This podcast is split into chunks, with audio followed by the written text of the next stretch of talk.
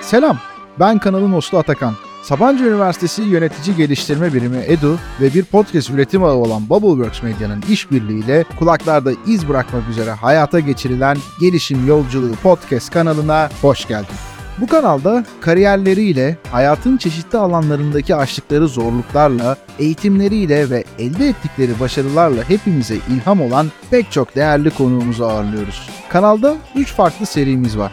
Bu bölümde yalnızca iş dünyasında değil, hayatlara dokunup büyük zorlukları aşarak etkileyici işlere imza atmış olan konuklarımızla buluştuğumuz Başarının Sesi serisinden harika bir içerik seni bekliyor. Keyifli dinlemeler.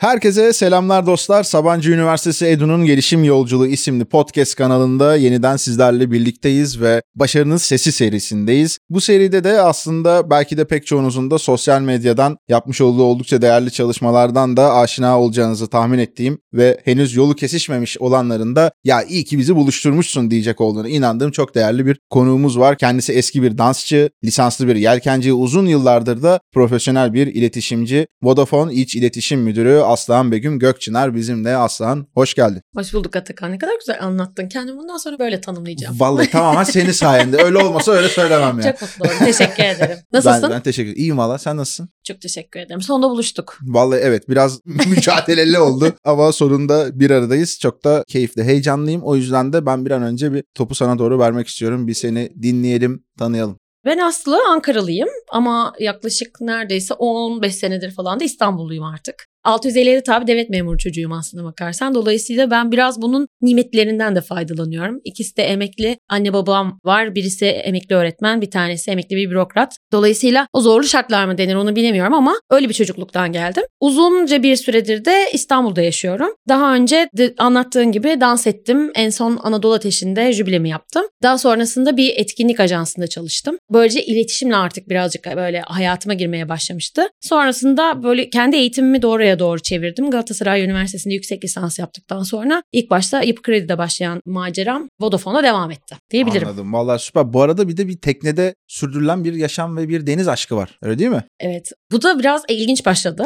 Ben pandemide yalnızdım. Uzun sürede yalnızdım. Müzmin bir bekardım diyeyim.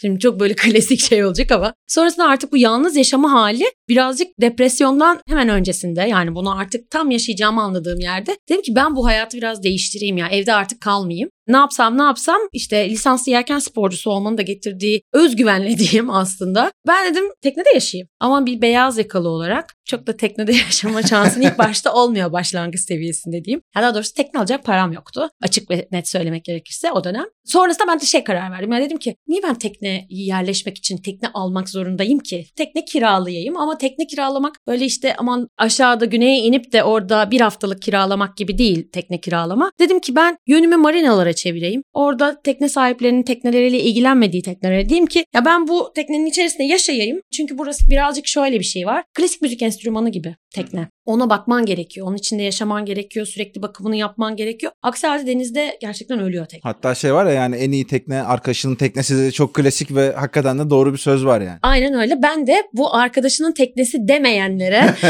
merak etmeyin arkadaşınızın teknesiymiş gibi bakacağım şeklinde. Ben dedim ki ben sizin teknenize bakayım. Marina kirası böyle 12 parasını vereyim. Bir yandan da teknenizde yaşayayım. Tabii bu Türkiye'de çok yapılan bir şey değilmiş. Hatta hiç yapılmayan bir şeymiş. Bu arada Bunu farklı fark bir ettim. iş modeli bile yaratılmış olabilir burada farkında olunmadan bence. Evet ya işte girişimci kafam yoktu. Bunları bunu işe, işe dönüştürseydim çok iyi Bunu ayrıca konuşalım şeyde. Aynen bunu ayrıca konuşalım yapabiliyorsak bununla ilgili bir şeyler yaparız belki. Sonrasında birisi bana teknesini verdi. Ama şöyle bir tekne. Yarı yarış teknesi. Dolayısıyla çok konforsuz bir tekne. Yani daha doğrusu yarı konforlu diyeyim. İçerisinde böyle çok rutubet almış. Gerekli ekipmanları yok. Yani yaşayabilecek bu yatçılık teknesinden değil. Bayağı yarış teknesi. Dedi ki yani sana teknemi veririm ama yani o senin standartlarını pek sağlayacak bir işi değil. Ben dedim ki hiç problem değil. Ben alırım bu tekneyi. Tabii ki tam da düşündüğüm gibi çiçek gibi yaptım teknenin içinde. pek bir güzel oldu. Derken benim tekne hayatım ve marina hayatım başladı. Bir yaklaşık 8-9 ay tek başıma teknede yaşadım. Sonrasında da kocam beyle tanıştım ve kendisiyle evlenerek hayatımıza devam ettik. Böyle bir Güzel. süreç. Teknede devam mı şu an? Yarı zamanlı. Yarı evet. zaman. Yarı zamanlı teknedeyim diyebilirim. Anladım tamamdır. Şimdi biraz böyle sosyal medyadan baktığımız zaman öncesinde konuştuğumuz bir fark farkındalık yaratma amaçlı reklam filmi de var. Belki de pek çok kişinin de karşısına çıkmıştır. Alopesi isimli bir rahatsızlık var. Bununla aslında tanışma süreci ve buradan yaratmış olduğunda bence çok değerli bir hikaye var. İşin profesyonel boyutunu ve işte iç iletişim, iletişim aslında nasıl ele alınmalı onları da konuşacağız ama biraz bu tarafı da aslında konuşalım istiyoruz birlikte. Bahsedeyim onu da. Biliyorsun 2022 yılında Oscar töreninde Will Smith Chris Rock'a bir tokat attı. Aslında bunun sebebi Will Smith'in eşinin de benimle aynı hastalığa sahip olmasıydı. Bu şimdi hastalık diye bahsediyorum. Kimsenin bilmediği bir şey büyük ihtimal. Daha doğrusu artık yavaş yavaş bilinen bir şey birazcık. O yüzden de kendimi iyi hissediyorum. Alopisi bir bağışıklık sistemi hastalığı ve aslında kesinleşmişti bir tedavisinin olmamasının yanında nasıl şeker hastalığı, nasıl romatizma hastalığı varsa bu bir otoimmün hastalık ve benim bağışıklık sistemim saçlarıma virüs zannediyor ve onları döküyor. Will Smith'in eşi Jada Smith de aynı hastalığa sahip. Ama tabii ben bu hastalığa yakalanalı 10 yıl kadar oldu. Dolayısıyla bununla ilgili bazı farkındalıklarım oldu, kendime ait kabullenişlerim oldu. Dolayısıyla o henüz bunu daha keşfetmemiş olduğunu anladığım kadarıyla diyeyim. Çok sinirlendi bu espriye. Espri de aslında G.I. Joe esprisiydi. İşte Demi Moore'un daha önce saçını kazıtmasıyla alakalı aynı minvalde bir espriydi. Çok sinirlendiği için de Will Smith önce gülüyor. Daha sonra fark ediyor ki Jada çok sinirleniyor ve gidip tokat atıyor. Ya o dönem beynimden vurulmuşa döndüm. Bunun bir sebebi var tabii ki. Çünkü alopesi dediğin şey saçların dökülüyor. Benim daha da böyle geniş kapsamlı bir aslında hastalık. Tüm vücudumdaki tüyleri kaybettim ben. Bunun adı universalis. Çeşitli versiyonları var. Kimi böyle sadece saçlarını döküyor, kimi kaşlarını döküyor. Herkes de farklı gözüküyor bu hastalık. Bu arada çok sık da rastlanan bir hastalık. Yani dünyada her 50 kişiden birinde var yani ama kamuflesi Çok da ciddi oran bu arada. çok büyük bir oran. Sadece kamuflesi çok kolay bir hastalık aslında. Kimi peruk takıyor, kimi bir şekilde saçlarını, kaşlarını kapatıyor, şapka takıyor vesaire. Ve dolayısıyla kamuflesi çok kolay olduğu için biz anlamıyoruz yani hani bu hastalığın var olduğunu. Ama çok sıkmış. Ben de bunu bu arada bu filmle sayesinde birazcık keşfettim. Sonra biz o gün eşimle konuşuyordum ve dedim ki ya ben bununla ilgili farkındalık yaratabilmek için elimden geleni yapıyorum ama dünya bunu bir şiddetle öğrendi. Yani bu korkunç bir şey. Ben dedim hemen bununla ilgili böyle bir post hazırlayacağım. İşte seninle böyle yanak yanağa bir fotoğraf vereceğim ve diyeceğim ki sevgi böyle bir şey değildir arkadaşlar. Ama sağ olsun eşim reklam filmi yönetmeni Cihangir ve o böyle çok tatlı bir fikirle geldi. Dedi ki tabii ki bunu yapabilirsin. Ama gel bunu daha böyle bir videoya çekelim ve sen içinden geçenleri anlat bize ve insanlar böyle bilsinler. Bir de bakalım bundan nasıl tepki alıyoruz diye. Hemen o akşam kendi kendimize daha doğrusu eşimin yıllardır gittiği bara gittik. Birkaç arkadaşımız daha geldi. Reklam dünyasında böyle Şampiyonlar Ligi diyebileceğimiz insanlar hepsi. Sevgili Sevin Kemal'ı, Ayşe Bali, Ela Başak Atakan ki Ela Başak'ın benim gibi alopesi hastası olan bir kızı var. Ve onun da daha önce yaptığı bir belgeseli var, kitabı var vesaire. Biz onunla sürekli temas halindeydik ve sürekli bir şeyler yapalım da istiyorduk. Dedik ki hadi bir film çekelim. Ve ertesi gün hemen sete girildi. Ertesi gün montaj yapıldı falan. Biz bu olayın hemen 3 gün sonrasında bir film yayınladık internette. Olduğun gibisin adını verdik toplumda kendini öteki hisseden herkesin filmi olsun istedik. Sadece alopesi için olmasın diye de başlamıştık aslında. Böyle hani bildiğimiz reklam filmleri vardır ya da kamu spotları vardır böyle hani daha damar, ajitasyonu boldur. Biz onları çok girmek istemedik açıkçası oralara. Birazcık daha bu işin tatlı yönünü anlatalım. Çünkü bu bizim hastalığımız çok başka şeylerle karşılaştırılabilecek ve benzetilebilecek de bir hastalık. Yani beni çoğu kişi kanser sanıyor ve metroda yer veriyor mesela. Ben de oturuyorum. Hiç affetmiyorum yani. Hani dolayısıyla da hani bunun gibi şeyler çok başıma geldiği için bu farkındalığı yaratmak üzere bir film çektik. Çok da güzel tepkiler aldı. Bir onun böyle ana temasına, mesajına da değinebilir miyiz aslında? Hani biz burada da zaten bundan sonrasında izleyecekler vardır ama TEDx İzmir'de de Aynen. olduğun gibisin başlığıyla yapılan bir konuşma vardı. Bayağı özdeşiyor orada birbiriyle de. Bir o temayı burada da alırsak sevinirim. Tabii bahsettiğim o bu toplumda kendini öteki hisseden her bir bireyin bir filmi olsun diye aslında başladı bu iş. Bize farklılıkları olan insanlar diyeyim çok fazla böyle bakışlara, eleştirilere, içselleştirmelere maruz kalıyoruz aslında bakarsan. Ve dolayısıyla da biz biraz bunun önüne geçmek istedik. Bu hayatta herkesin başına bunlar gelebilir. Ben hep de bunu söylerim. Bir gün yolda birisinin karşınıza geliyorsa ve hani sizden farklı olduğu için ona baktığınızı fark ettiğiniz anda hani kendinize bir sorun. Neticede bu bir insan hikayesi. Çok uzak bir ihtimal de değil ya da başka böyle çok da büyük bir felaket haberi de olmayabilir. Dolayısıyla o farklı görünen herkesin hatırını unutmamamız gerektiğiyle ilgili bir filmdi bu. TEDx konuşmasını da aslında bunun üzerine yapmıştım ben. Benim tek derdim hakikaten bu hastalıkla benim başıma gelenler daha kabul edilebilir bir durumdaydı ama ben tabii 24 yaşında bunu yaşadım ilk başta. Çok çapkın olduğum bir dönemde aslında başıma geldi. Çok genceciktim ve benim için çok zor geçmişti. Hele o ilk bir yılı kendimi kabul ettiğim, bununla ilgili işte ne yapacağımı bilemediğim o dönem hakikaten çok zordu. Yani kendimi eve kapattığım, aynaları parçaladığım, böyle gece eski sevgilim arar gibi ablamı arayıp ben vazgeçtim bu hayattan dediğim çok zamanlarım oldu. Ama biz bu filmi yaptıktan sonra bana o kadar çok mesaj geldi ki ya tabii ki kıyas götürmez ama çok zor anılar yaşamış, çok zor tecrübelerden geçmiş insanlarla tanıştım. Onlarla konuştum. Dolayısıyla bunların hepsi adına aslında bu film yapıldı. Devamı da gelecek bence. Süper. Aslında pek çok kişinin de sesi oldu. Bir yandan ülkemizde de dünyada da büyük oranda ama özellikle ülkemizde insanların hani ötekileştirme dedik ya mesela bazen eşitliği konuşuyoruz. Toplumsal cinsiyet eşitliğinden genelde konular başlıyor. Özellikle bir kurumun işte hafiften böyle reklamatif bir taraftan ele almak istediği bir şey varsa ilk önce oradan başlıyor ama eşitlik dediğimiz zaman aslında bunun bir sürü farklı farklı tarafları var işte. Yalnızca hani toplumsal cinsiyet eşitliği değil de yaşlar arasında olan şeyler de olabiliyor. Bazen bölgesel işte büyük şehirlerde ve Anadolu'da yaşamayla ilgili konular bir sürü çeşitlendirilebilir aslında. Ama bir yandan da bu tarz bir durum hani biraz önce söyledin ya herkese de aslında çok yakın olan ve çeşitli bir hastalıkla yan yana gelebilmek bazen de gerçekten bir felaketle de aslında sonuçlanmayabilir. Burada yaratmış olduğum bence büyük bir değer var. Bu daha da katlanarak da büyüyecektir. Yani ben de o reklam filminin de çok daha ileriye gidecek olduğuna ve gitmesi gerektiğine de yürekten inanıyorum. Bir yandan da dinleyicilerimizden de belki buradan hani sana mesaj atan insanlar gibi kendisine ders çıkaranlar, çıkarmak isteyenler vardır. Olayın kariyer tarafını nasıl etkiledi? Nasıl yönettin oradaki o süreçleri onları merak ediyorum.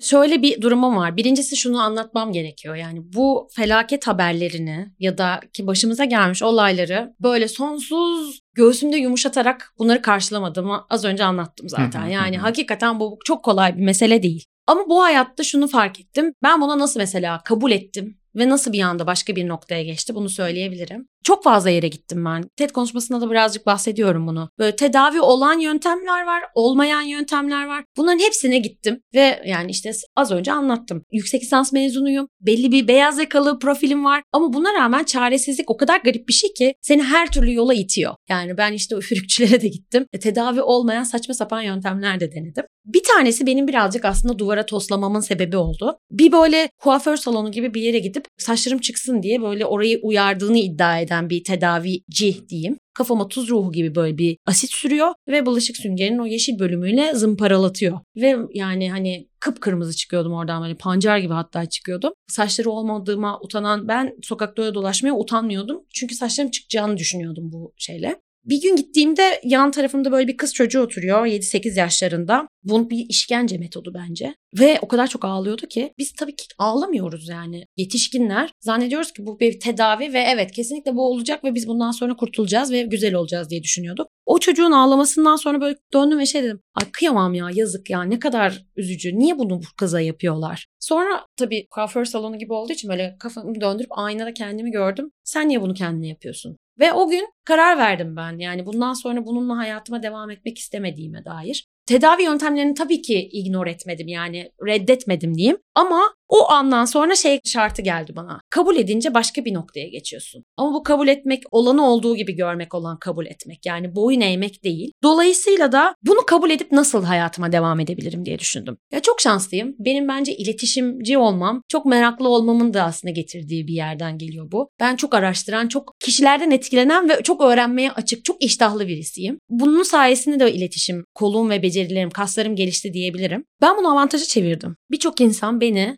dönemde yaptığı mesela Afife tiyatro ödüllerinin uzun süre yürütücülüğünü yaptım. Şöyle biliyorlardı. Afife'yi yapan kel diye biliniyordum ben bir dönem. Ya da ne bileyim kurumda mutlaka eventlerde o ayna gibi parlayan kişi ben oluyordum ve dolayısıyla benim her türlü yaptığım işle hele bir de işinizi daha da doğru yaparsanız daha da ön plana çıkıyorsunuz tabii ama o fiziksel görüntümü ben birazcık da avantaja çevirdim diyebilirim. Çok kolay olmuyor başta söylediğim gibi. Ama kabul ettikten sonra ve bunun size getireceği güzellikleri bir şekilde kendinizi ikna ettiğinizde diye söyleyeyim. Çünkü hiçbir zaman bu başta kolay olmuyor ve sonrasında da bu arada yani bu benim hayatımda böyle başladı ve devamında da böyle gitti demiyorum. Çünkü ara sıra yine geliyor anksiyete ataklarım. Bunları da kabul ediyorum yani öyle. Kendimi olduğum gibi kabul etmekten kastım bu. Buna rağmen her şeyin güzel olacağı ile ilgili çok büyük bir inancım var ve bu sayede de bence hep daha da iyiye gidiyor diye düşünüyorum. Harika. Burada aslında birazcık işin başka taraflarına da eğilelim istiyorum. Hani bir eski dansçı diye başlayan bir şeyimiz vardı ya sohbette de. Orada sahne sanatlarından aslında alınan deneyimlerim ben de çok böyle amatör de olsa işte tiyatro ile ilgili lisede, üniversitede falan filan bulunduğum oyunlar olmuştu. Onun o ortamın insana aslında çok fazla şey kattığını düşünüyorum. Yani disiplinden tut işte bir takım olmaya, takım olmadan tut insan karşısına çıkabilme ile ilgili bir kere yani her şeyden önce vermiş olduğu şeyler var vesaire. Bunun yansımaları nasıl oldu? Yani bence birkaç tane önemli konu var. Alopesi burada tabii ki çok büyük bir yeri ortaya koyuyor ama bir yandan da biraz işin bu deniz ve dans tarafını da hani bundan sonra denizle ilgili de bir tık daha da açacağım. Ya dansçı olmak senin söylediğin çok doğru birkaç bir temel konu var. Birincisi ben kordo dansçısıydım. Hem kordo dansçısıydım hem bir dönem baş dansçılık yaptım. Kordo'da gerçek anlamda takım olmayı öğreniyorsun. O büyük bir disiplin. Beraber hareket etmenin dışında o ahengi yakalayabilmek. Dolayısıyla o senin iş hayatına da çok yansıyor. Çok iyi bir takım arkadaşı olduğumu düşünüyorum ben. Birçok ekiple çalıştım. Bana çok büyük katkı sağladı bir kere dans hayatı. E, sahne desen onun başka bir şeyi var yani. Kesinlikle. Özgüveni de demeyeyim de ben hala böyle zaman zaman gece rüyalarımda tekrar sahneye çıkarım ve dans ederim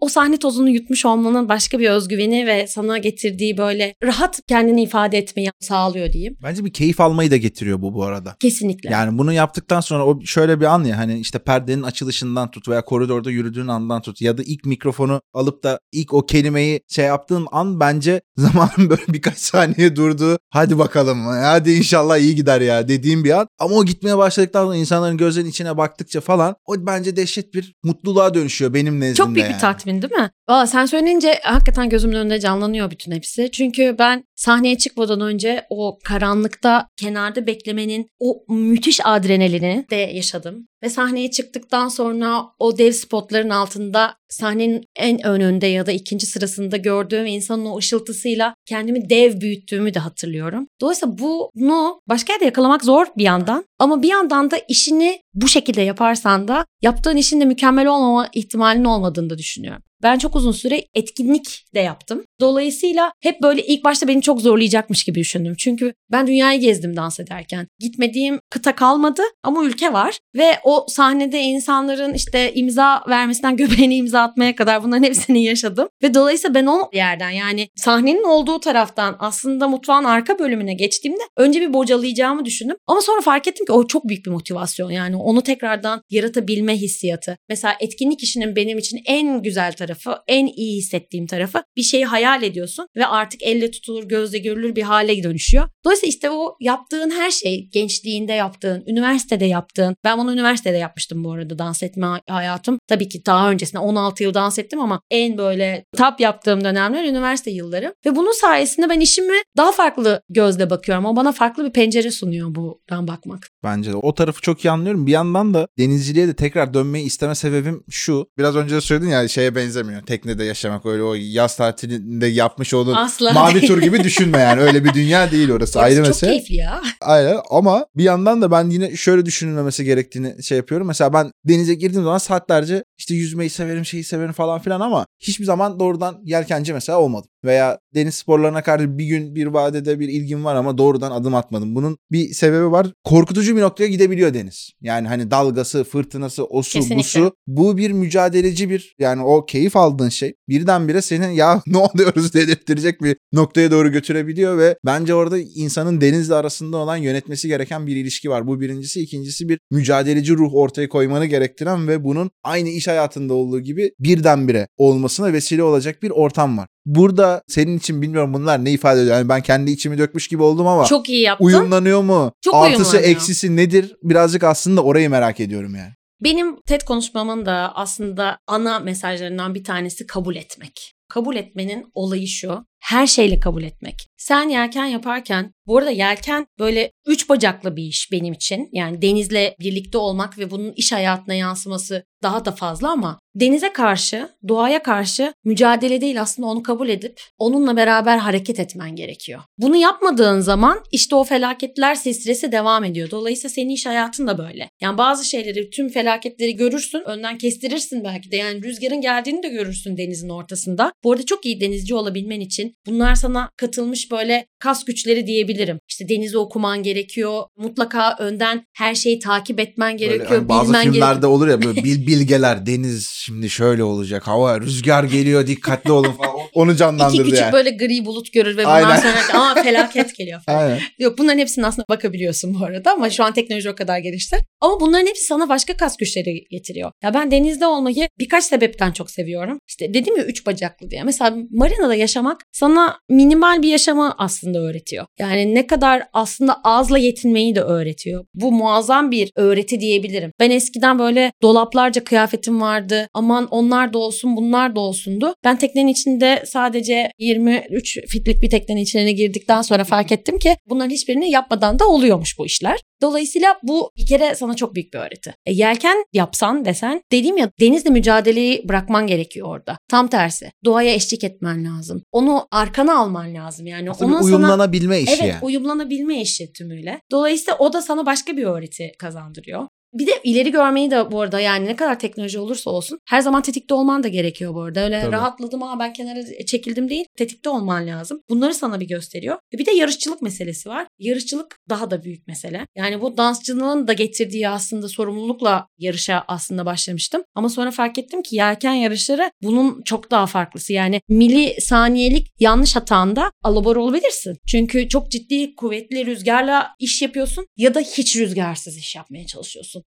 Biz zannediyoruz ki böyle hep yelken yarışlarında o gözükür ya böyle tekneler çok güzel yana yapmış tertemiz gidiyorlar. Bunların hiçbiri olmuyor bu arada yarışlarda. Onlar böyle çok ay ne kadar da güzel hava var dediğimizde ancak oluyor. Bazen de çok büyük sebat etmen sabırı öğretiyor sana. Çünkü bir yarışı bitiremiyorsun. Yani neredeyse 10 saat denizin ortasında kalıyorsun ve orada o isyanı çıkarmaman gerekiyor. Orada da takım olmayı gösteriyor sana. Bir hiyerarşisi yok mesela teknenin. Teknenin tabii ki kaptanına, dümencisine karşı bir ayrı bir orası senin üstadın. Onlar orada bir şeyler yapmak zorunda. Ama teknenin diğer her kalan bölümünde bir hiyerarşi yok. Sen ben eskiden bankada çalışırken bankacı arkadaşlarımla yarışıyordum. O zaman ben uzmandım. Orada şube müdürü vardı, direktör vardı. Bunların hiçbirinin orada vasıflarının hiçbir değeri yoktu aslına bakarsan. Ya ben en önden en arkadaki direktör arkadaşıma böyle bas bas bağırıp çabuk bunu çek diye bağırabiliyordum. Bunların hepsini öğretiyor sana Deniz. O yüzden ben olsam ben hep herkese de bunu söylüyorum. Bence iş yaşantısına giren her insanın mutlaka denizle bir kere tecrübe edilmesi gerekiyor. Korkma denizden bu kadar Atakan'cığım. Yok aslında o kadar da korkmuyorum ama henüz tam o moda giremedim diyeyim. Hani böyle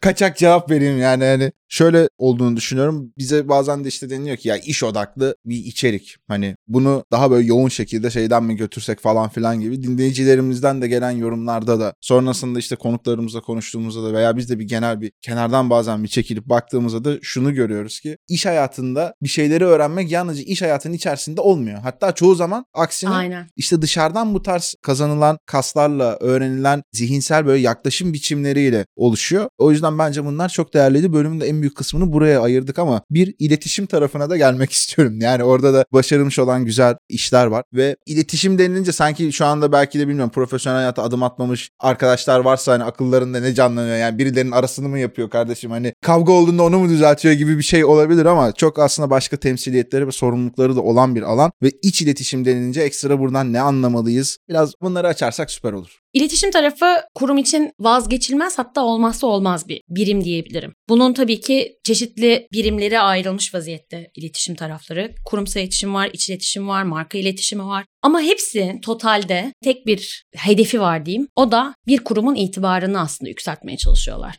Dolayısıyla farklı mecralar kullanıyorlar, farklı teknikler kullanıyorlar ama hepsi o kurumun itibarını yükseltmek için, daha iyi kendini anlatabilmesi için, sana belki yaptığın iş başka bir şey anlatıyor olabilir. Oradan sana duyduğun, ilk başta markayı gördün, logosunu gördün, başka bir şey çağrıştırıyorken sana aslında bunun tam tersi, ters köşe bir şeyi anlatabilir. Dolayısıyla iletişim herkesin bana göre sadece markaların değil, kendi itibarın için bile herkes mutlaka kendi tarafında böyle bilezik olarak öğrenmesi gerektiğini düşündüğüm bir alan. Süper. Bunun aslında herkes kısmından yakalayıp şöyle de açmak istiyorum. Yavaş yavaş bölümün sonuna da geliyoruz ama genç girişimcilere veya işte çeşitli öğrencilere böyle gençlik programlarında da mentörlükler de veriyorsun. Tahmin ediyorum orada da işin böyle bir sürü farklı deneyimden bir şeyleri birleştiriyorsundur. Çok minik oralara da yani senin için ne ifade ediyor? Çok da yoğun bir temponun içerisindesin. Hani orada vakit bulup da oralara gidip o emeği vermek falan. Yani böyle orada da sanki birkaç böyle konuşulacak, değinilecek şey varmış gibi geliyor bana. Sana emek gibi geliyor. Bana bu aslında bir hobi gibi söyleyeyim. Süper. Çünkü ben genç arkadaşlarla çalışmaya bayılıyorum. Hatta yani onlar zannediyorlar ki ben onlara bir şey anlatıyormuşum gibi hissediyorlar ama ben aslında onlardan çok şey öğreniyorum. Ve yeni hayata dair, onların bakış açısına dair beni çok besliyorlar. O diyorum ya sana iştahım çok yüksek benim diye. O öğrendiklerimden başkalarına da fayda sağlayabildiğimi fark ediyorum bu sayede. Dolayısıyla mentörlük benim için ciddi anlamda hiç emek verilmiş değil. Tam tersi böyle aşkla yaptığım bir şey diyebilirim. Çok seviyorum. Lütfen herkes bana yazsın. Lütfen ben herkesle konuşayım. Vallahi binlerce böyle şey gelirse birden seve seve her türlü. Harika süper. O zaman son olarak bir geleceğe dönük ne gibi projeler ve hedefler var. Bir bunları da alalım. Bir de kolay bir şey değil yani söylemesi kadar net şekilde biliyorum ama hayatta böyle olumsuzluklara karşı cesurca adımlar atmak isteyen arkadaşlara da birkaç tane şunların altını çizeyim diyebilecek olduğun tavsiye varsa onları alabiliriz. Bölümün genelinde zaten konuştuk ama minik bir toparlama adına soruyorum aslında. İlk soruna cevap vereyim önce. Kesinlikle gelecekle ilgili hani bu kendin 5 yıl sonra nerede görüyorsun gibi bir şey değil ama herkesin bence bir B planı olmalı bu hayatta. Ben bunu kuruma ilk girdiğim andan itibaren zaten hep tahmin etmiştim. Ve zaten şöyle bir şey var. Bugüne kadar yaptıkların hepsi de o B planının sürekli işlemesini sağlayan bir yandan da sana güç oluyor, rüzgar oluyor diyeyim. Ben bu olduğun gibisin hareketini kesinlikle büyütmemiz gerektiğini düşünüyorum ve bununla ilgili çalışmalara da devam ediyorum. Bence bununla ilgili çok fazla şey göreceksiniz diye düşünüyorum. Bunun dışında TED konuşmasını yaptığım olduğun gibisinin birazcık daha ötesinde kabul etmek ve farkındalık hareketlerinin büyümesiyle alakalı da projeler yapıyoruz şu an. Dolayısıyla bunlarla ilgili de şeyler duyabileceksiniz. Kapanış olarak da söyleyebileceğim şey şu.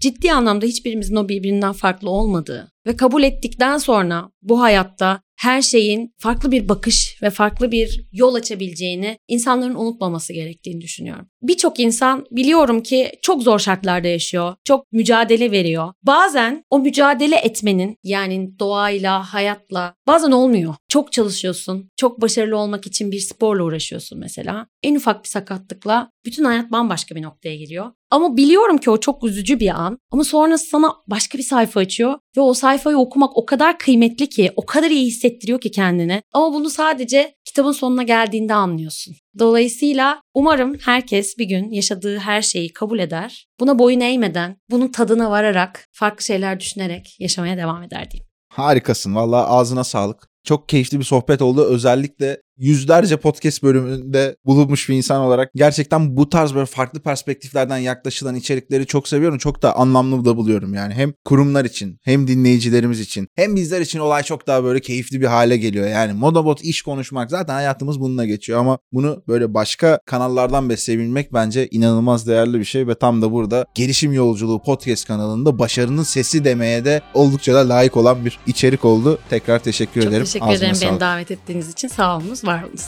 Ne demek? Evet sevgili dinleyiciler bir sonraki bölümde yeniden görüşünceye dek kendinize çok iyi bakın. Sağlıkla, merakla, yenilikle ve kendinizle barışık bir şekilde kalın. Görüşmek üzere.